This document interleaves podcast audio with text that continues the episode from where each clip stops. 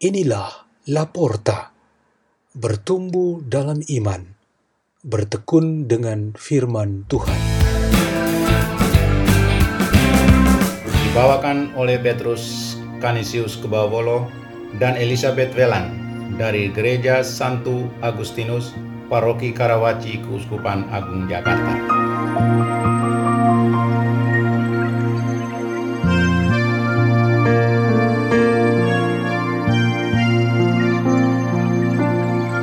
Bacaan dan Renungan Sabda Tuhan Hari Senin, Pekan Biasa ke-18, 2 Agustus 2021.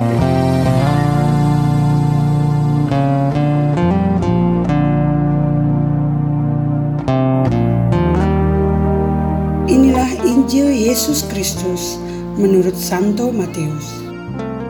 Sekali peristiwa, setelah mendengar berita pembunuhan Yohanes Pembaptis, menyingkirlah Yesus dengan naik perahu, ia bermaksud mengasingkan diri ke suatu tempat yang sunyi.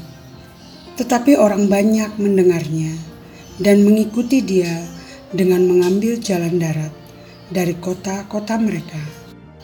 Ketika Yesus mendarat, ia melihat orang banyak yang besar jumlahnya, maka tergeraklah hatinya oleh belas kasihan kepada mereka, dan ia menyembuhkan mereka yang sakit.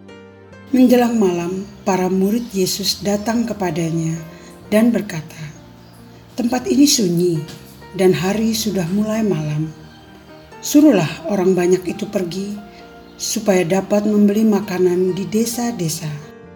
Tetapi Yesus berkata kepada mereka, "Mereka tidak perlu pergi, kalian saja yang memberi mereka makan." Jawab mereka, "Pada kami hanya ada lima buah roti." Dan dua ekor ikan. Yesus berkata, "Bawalah kemari." Lalu disuruhnya orang banyak itu duduk di rumput.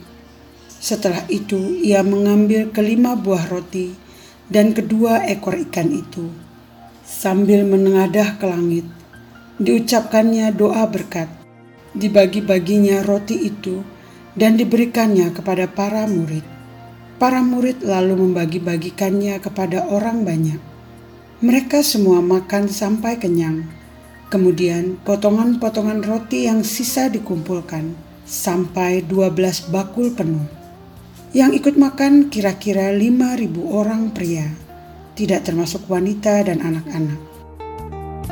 Demikianlah Injil Tuhan.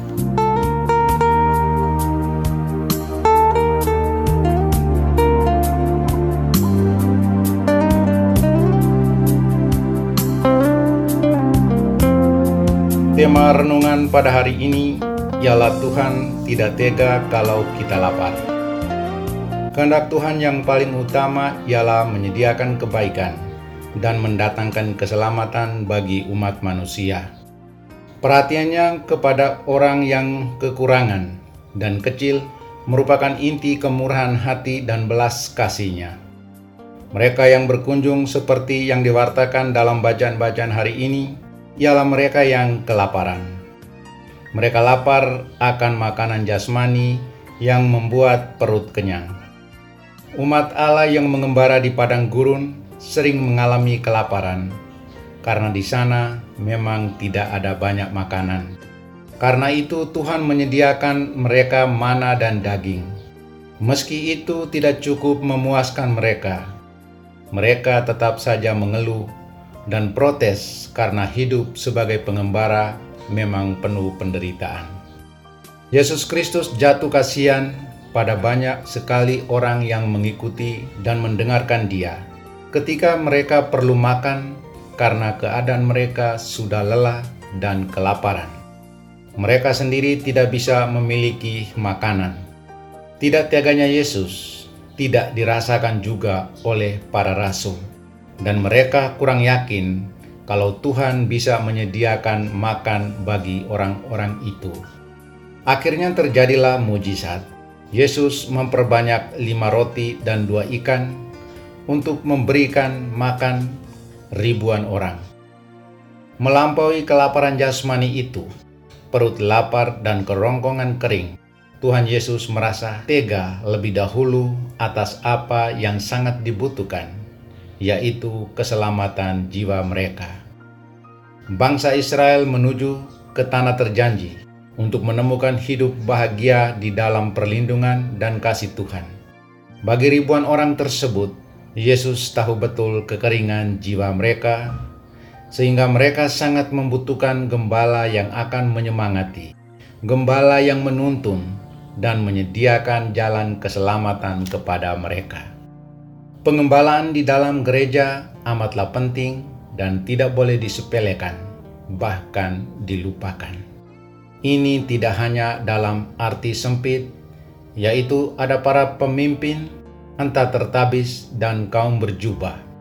Dalam arti luas, pengembalaan itu menyangkut pendampingan, animasi, perlindungan, advokasi, asistensi, dan pemberdayaan ditujukan kepada segenap umat, supaya kehidupan mereka yang menjadi semakin maju dan bermartabat. Pengembalaan membawa umat manusia kepada Tuhan. Jadi, Yesus tidak tega dengan kelaparan kita. Memang, pada akhirnya membuat kehidupan jasmani dan rohani umatnya terjamin. Paling kurang, hidup kita di dunia ini layak dan baik. Dengan jaminan seperti ini, jelas kita juga memandang hidup kita di masa depan dan di akhirat nanti dengan penuh optimisme. Marilah pada hari ini kita mempersembahkan intensi doa bagi tugas pengembalaan di dalam gereja kita. Marilah kita berdoa. Dalam nama Bapa dan Putra dan Roh Kudus. Amin. Di dalam kasih dan kemurahan-Mu, ya Bapa, kami ingin menaruh segala keperluan kami, khususnya pada hari ini, supaya kami dapat menerima berkat-berkat-Mu dalam sepanjang hari ini. Kemuliaan kepada Bapa dan Putra dan Roh Kudus, seperti pada permulaan, sekarang, selalu sepanjang segala abad. Amin. Dalam nama Bapa dan Putra dan Roh Kudus. Amin. La porta, la porta, la porta.